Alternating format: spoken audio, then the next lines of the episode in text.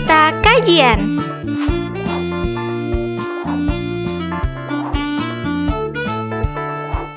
Assalamualaikum warahmatullahi wabarakatuh. Ya, uh, selamat datang di podcast kita kajian bersama kita Umroh episode 29. Iya. Nah, kali ini materinya lebih menarik nih Rin. Tentang apa tuh? Nah, lo suka jalan-jalan nggak? Suka lah Nah, traveling suka siapa yang gak traveling suka? kan? Nah, semua orang pasti suka jalan-jalan nih. Nah, di sini nih eh, masih bersama Kak nih mau membahas tentang gimana sih eh, muslimah traveler tuh seperti apa gitu. Nah, sebenarnya sih eh ini pengalaman sih Kak, aku pengen nanya. Jadi kalau misalnya kita lagi jalan-jalan nih, kan kita itu boleh melakukan sholat jamak kosor itu tuh minimal 80 jaraknya 80 kilo ya Kak. Nah, misalkan kita pergi ke suatu tempat berhari-hari nih. Nah, itu tuh biasanya ada batasannya nggak sih Kak untuk sholat jamak kosor itu sampai seberapa kita boleh melakukan sholat jamak kosor? Karena ada yang pernah bilang gini, misalkan kita pergi ke Bandung sebelum ke sebelum pulang Jakarta itu kalau bisa sholatnya boleh nih di jamak kosor. Jangan sampai kita sholat jamak kosor itu sampai di rumah itu nggak boleh. Ada yang bilang kayak gitu. Jadi di perjalanan baru boleh jamak kosor. Itu seperti apa sih kak batasan-batasannya? Oke, Bismillahirrahmanirrahim.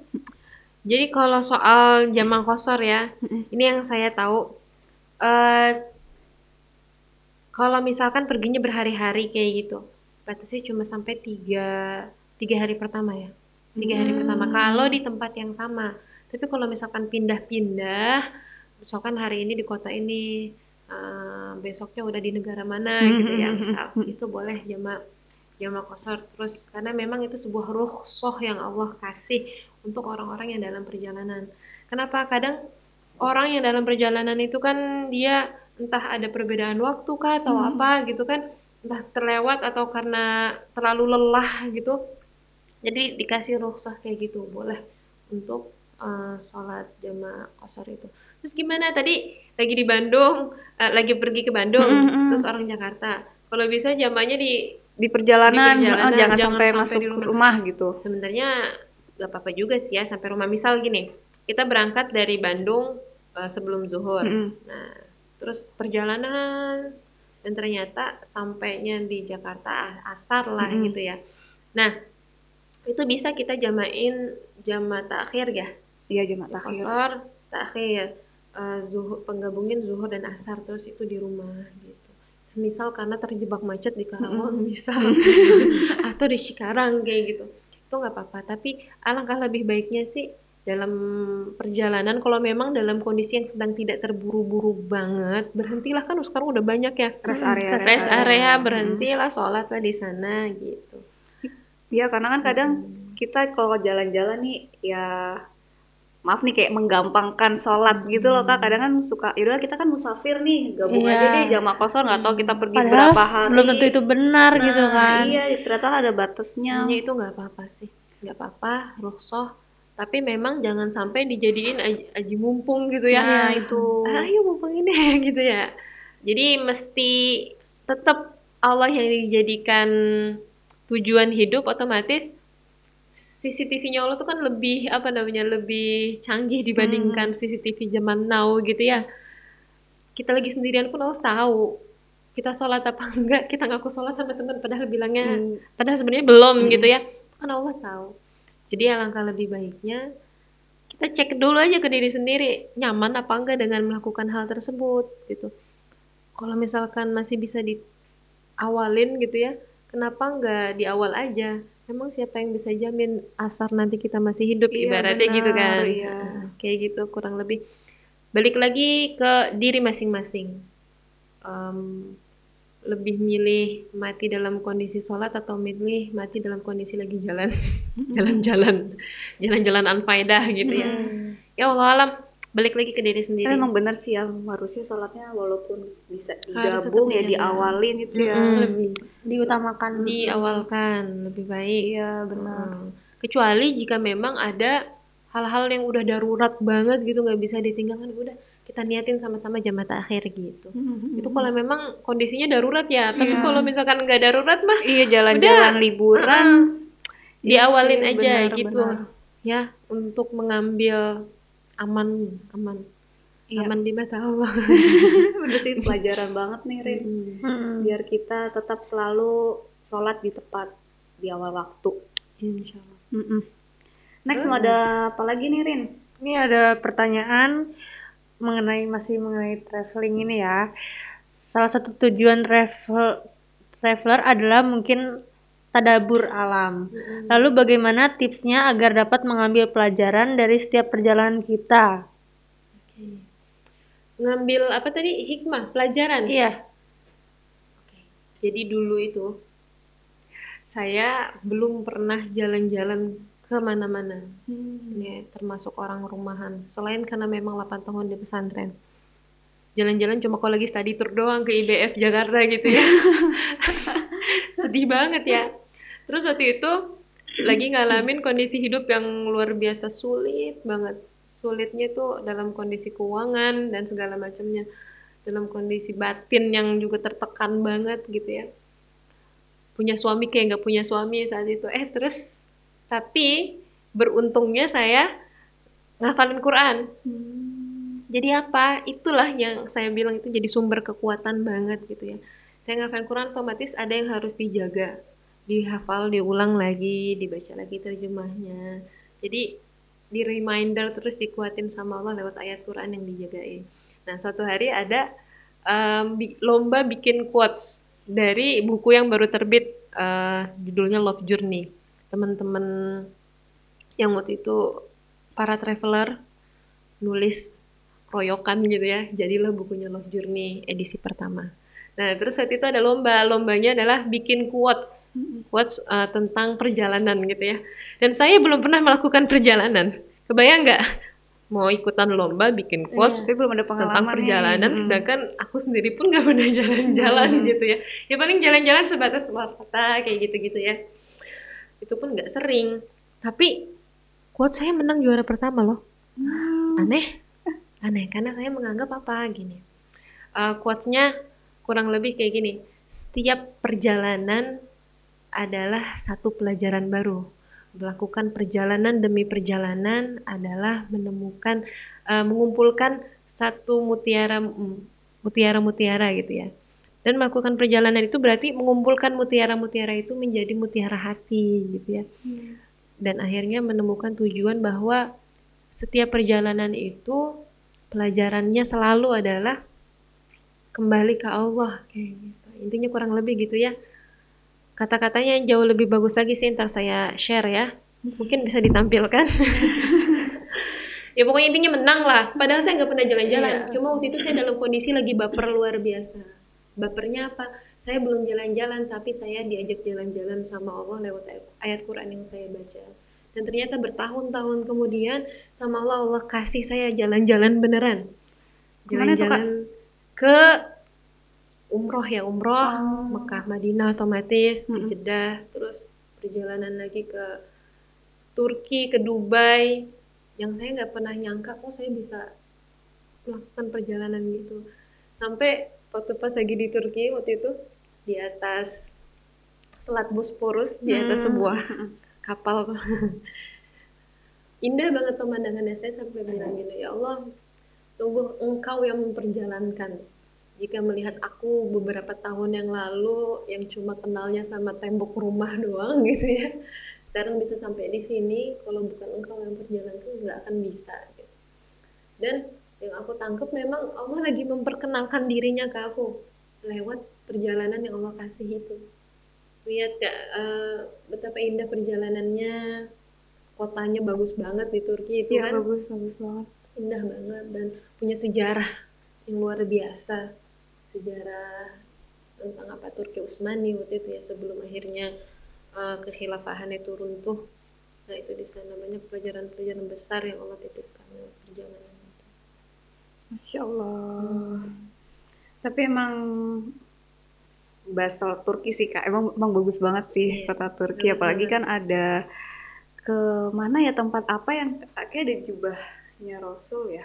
Eh Ah, apa ya tuh? iya museum Hagia Sophia ya? Eh, Top- atau- Topkapi Oh ya Topkapi ya. ya Itu kan dari mulai anaknya Rasul, Ah, bajunya Fatimah ya bajunya Fatimah kak kalau nggak ya. salah Bajunya ada, ada. mm, Hmm. itu yang saya ke sana aja sampai nangis sih ngeliat jubah itu nangis karena emang bikin kangen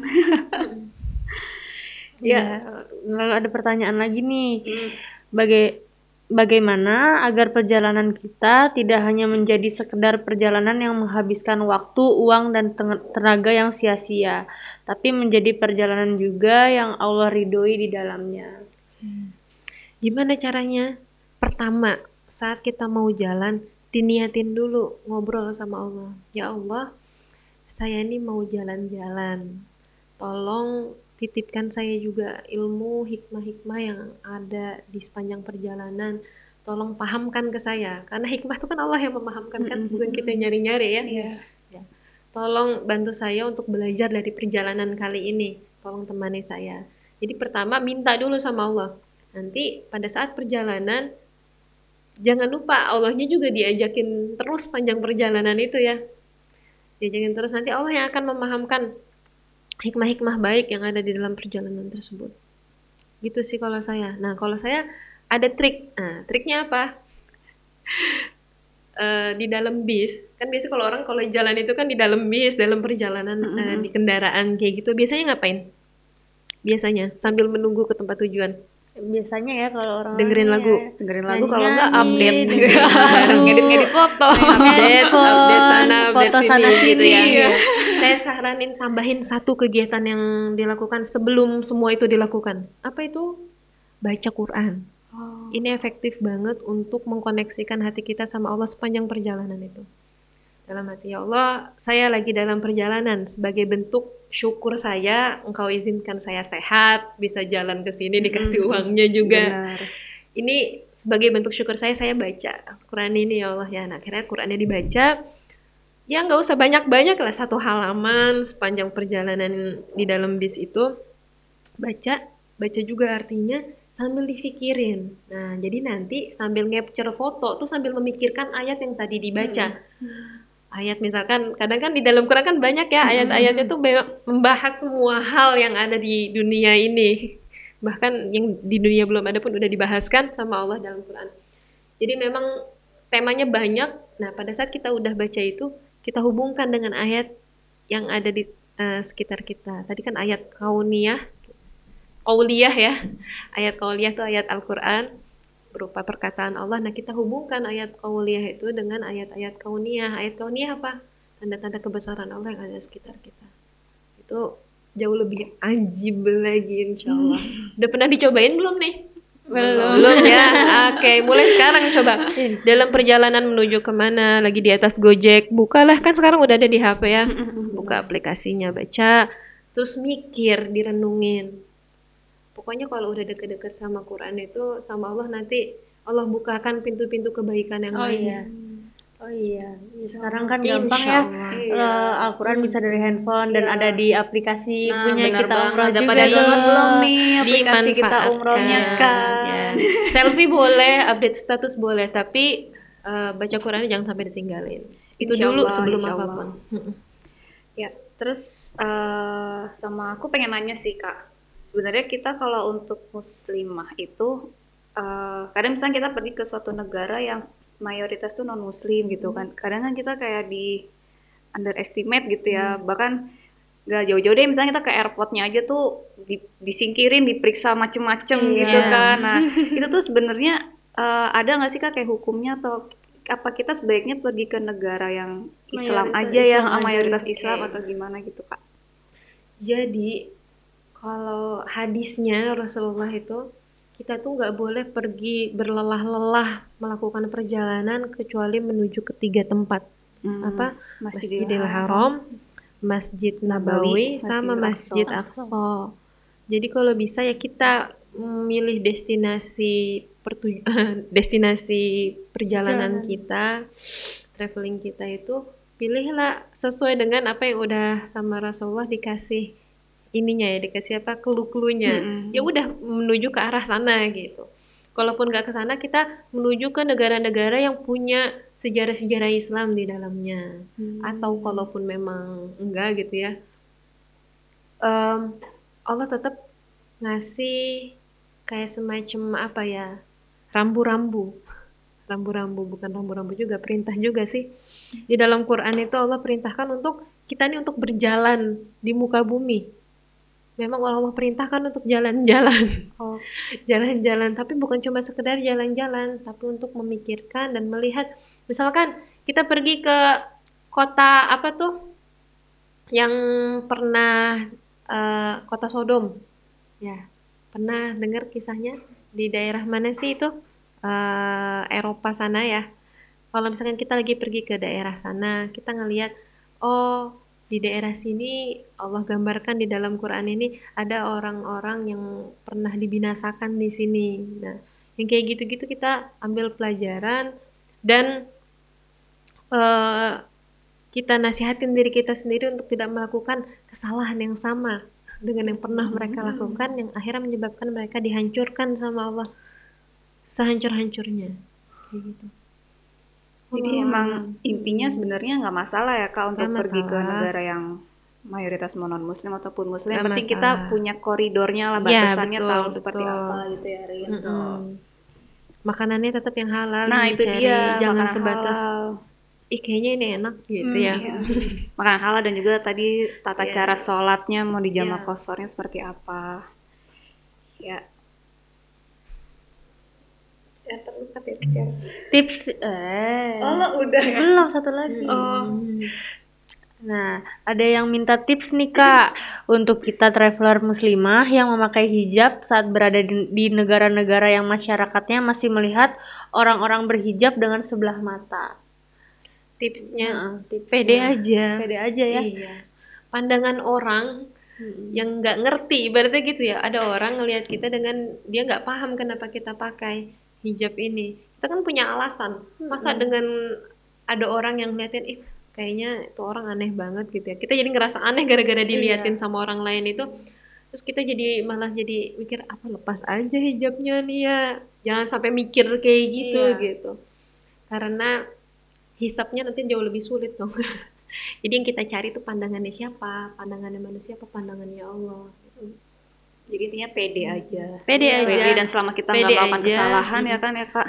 pede aja dan tunjukkan kita nih jadi agen-agen muslim yang baik gitu ya Mm-mm. agen-agen muslim yang baik kita tunjukkan bagaimana seorang muslim itu seharusnya bersikap tetap santun ramah senyum salam sapa itu kan ajarannya Rasulullah. Mm-mm. dalam hadisnya apa Eh, eh, disuruh merintahkan untuk menyebarkan salam saling memberi makanan itu ajaran Islam loh kayak gitu jadi Bismillah eh, kalau kita jadi muslim yang baik orang tuh suka kok Iya, betul. orang lain akan melihat pada akhirnya bagaimana kita bersikap bukan pada apa yang kita pakai kayak gitu insya Allah Insya Allah.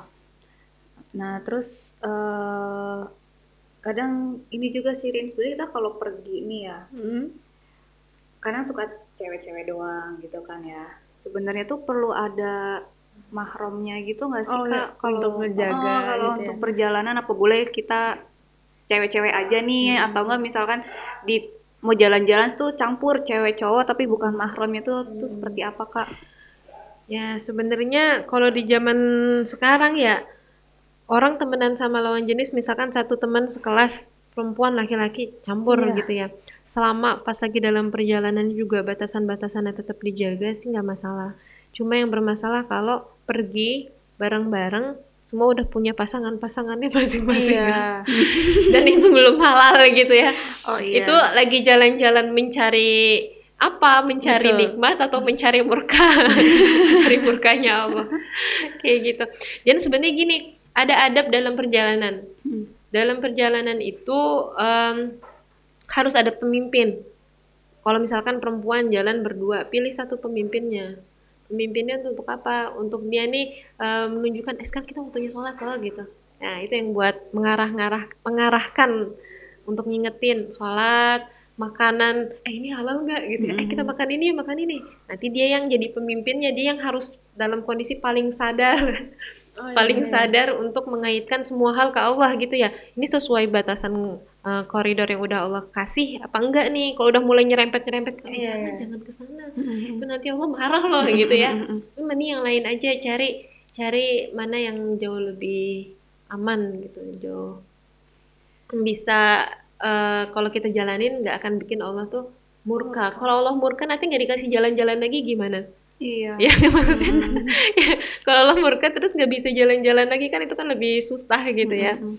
Lebih repot lagi urusannya nggak selesai di dunia Jadi sampai akhirat Sebenarnya emang lingkungan ya kak Iya, ya. Kita harus heeh. pinter-pinter milih teman. betul kan, betul balik lagi ke situ Iya, lagi ya benar. lingkungan Lingkungan. Wallahu a'lam.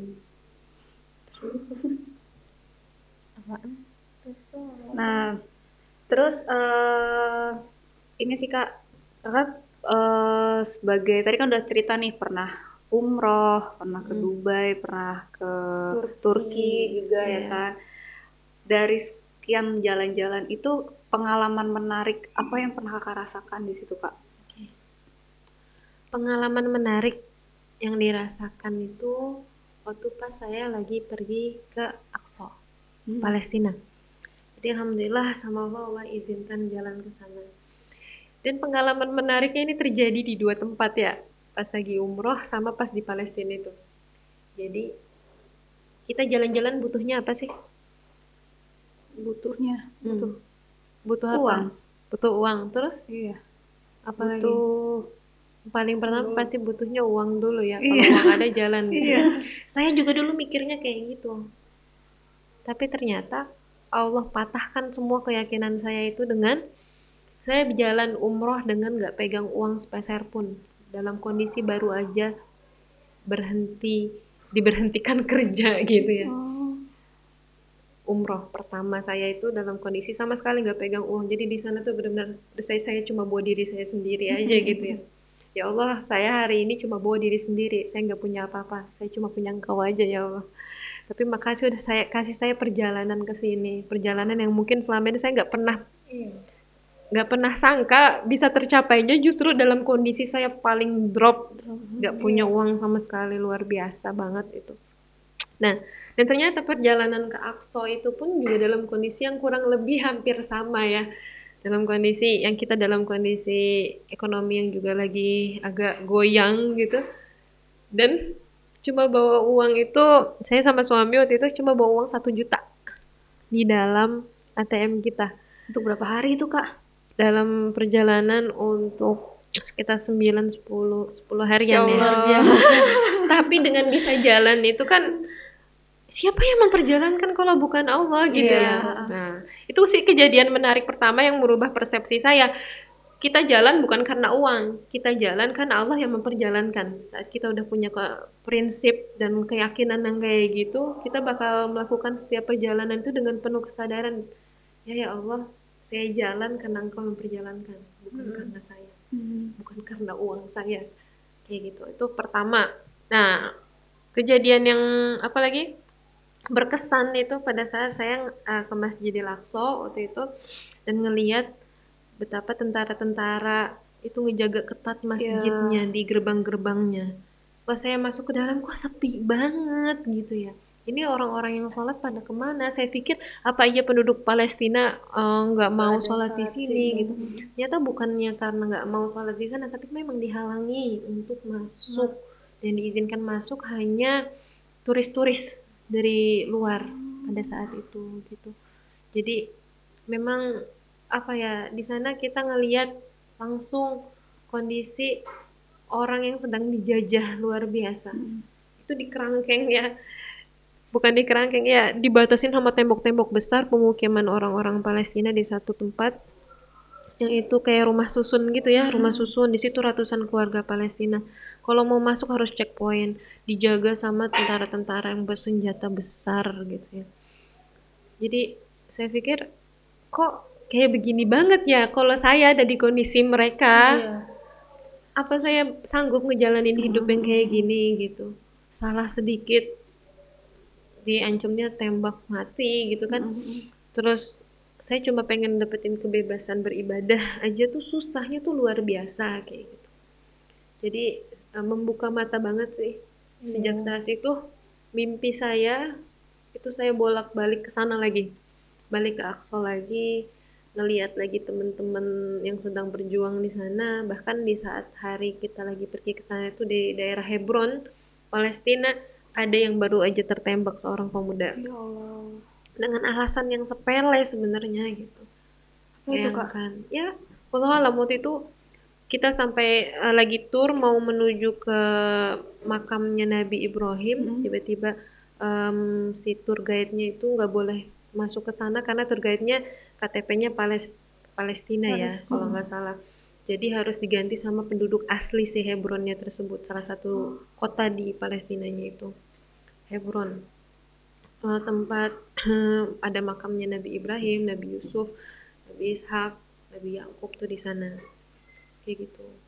Iya, kenapa kok si tour guide-nya sampai harus diganti? Iya, baru aja terjadi penembakan gitu, ada yang tewas kayak gini-gini. Dan saya langsung, duh ya Allah. Iya. Dan itu setiap malam kita dengar suara, Suara tembakan, tembakan, dong. iya. Sampai kita tahu, eh itu tembakan suara tembakan di sebelah mana gitu ya. Ah, ah, ah. Jadi kalau di daerah Yerusalemnya, di daerah si masjid Masjid Aqsa-nya, di situ aman sih, aman, eh, relatif aman untuk turis gitu ya. Jadi nggak usah takut ya dengar saya cerita kayak gini, Hmm. aman untuk turis di sana. Nggak amannya untuk orang Palestinanya. Oh. Jadi mereka benar-benar ditekan luar biasa sama Zionis di sana. Dan memang saya berangkat kan bareng-bareng sama teman-teman jamaah yang lain kan ya jamaah tur dari eh, PPA Institute kan.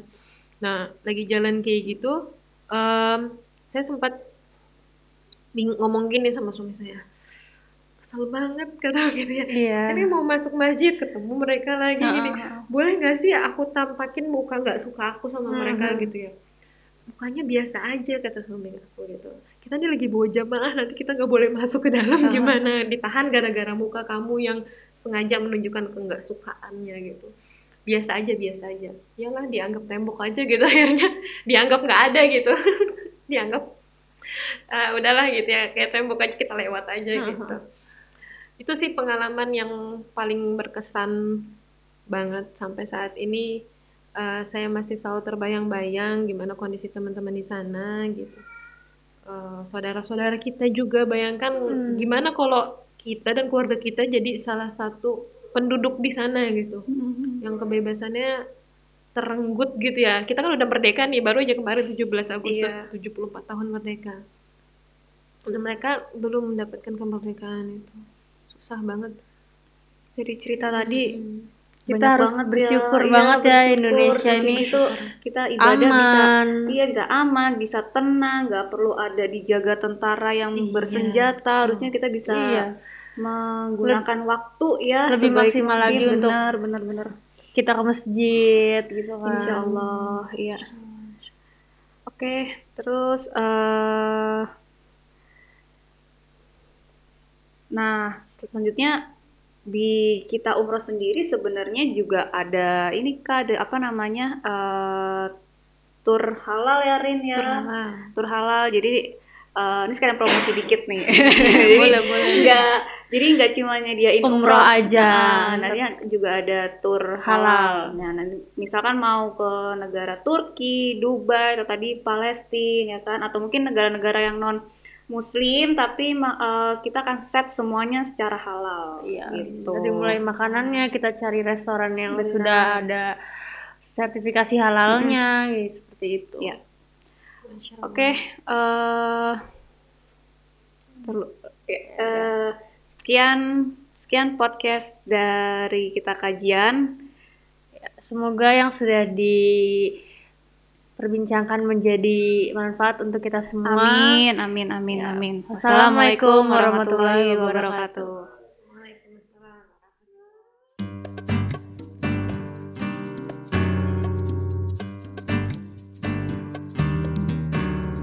Download kita umroh di Play Store dan di App Store sekarang.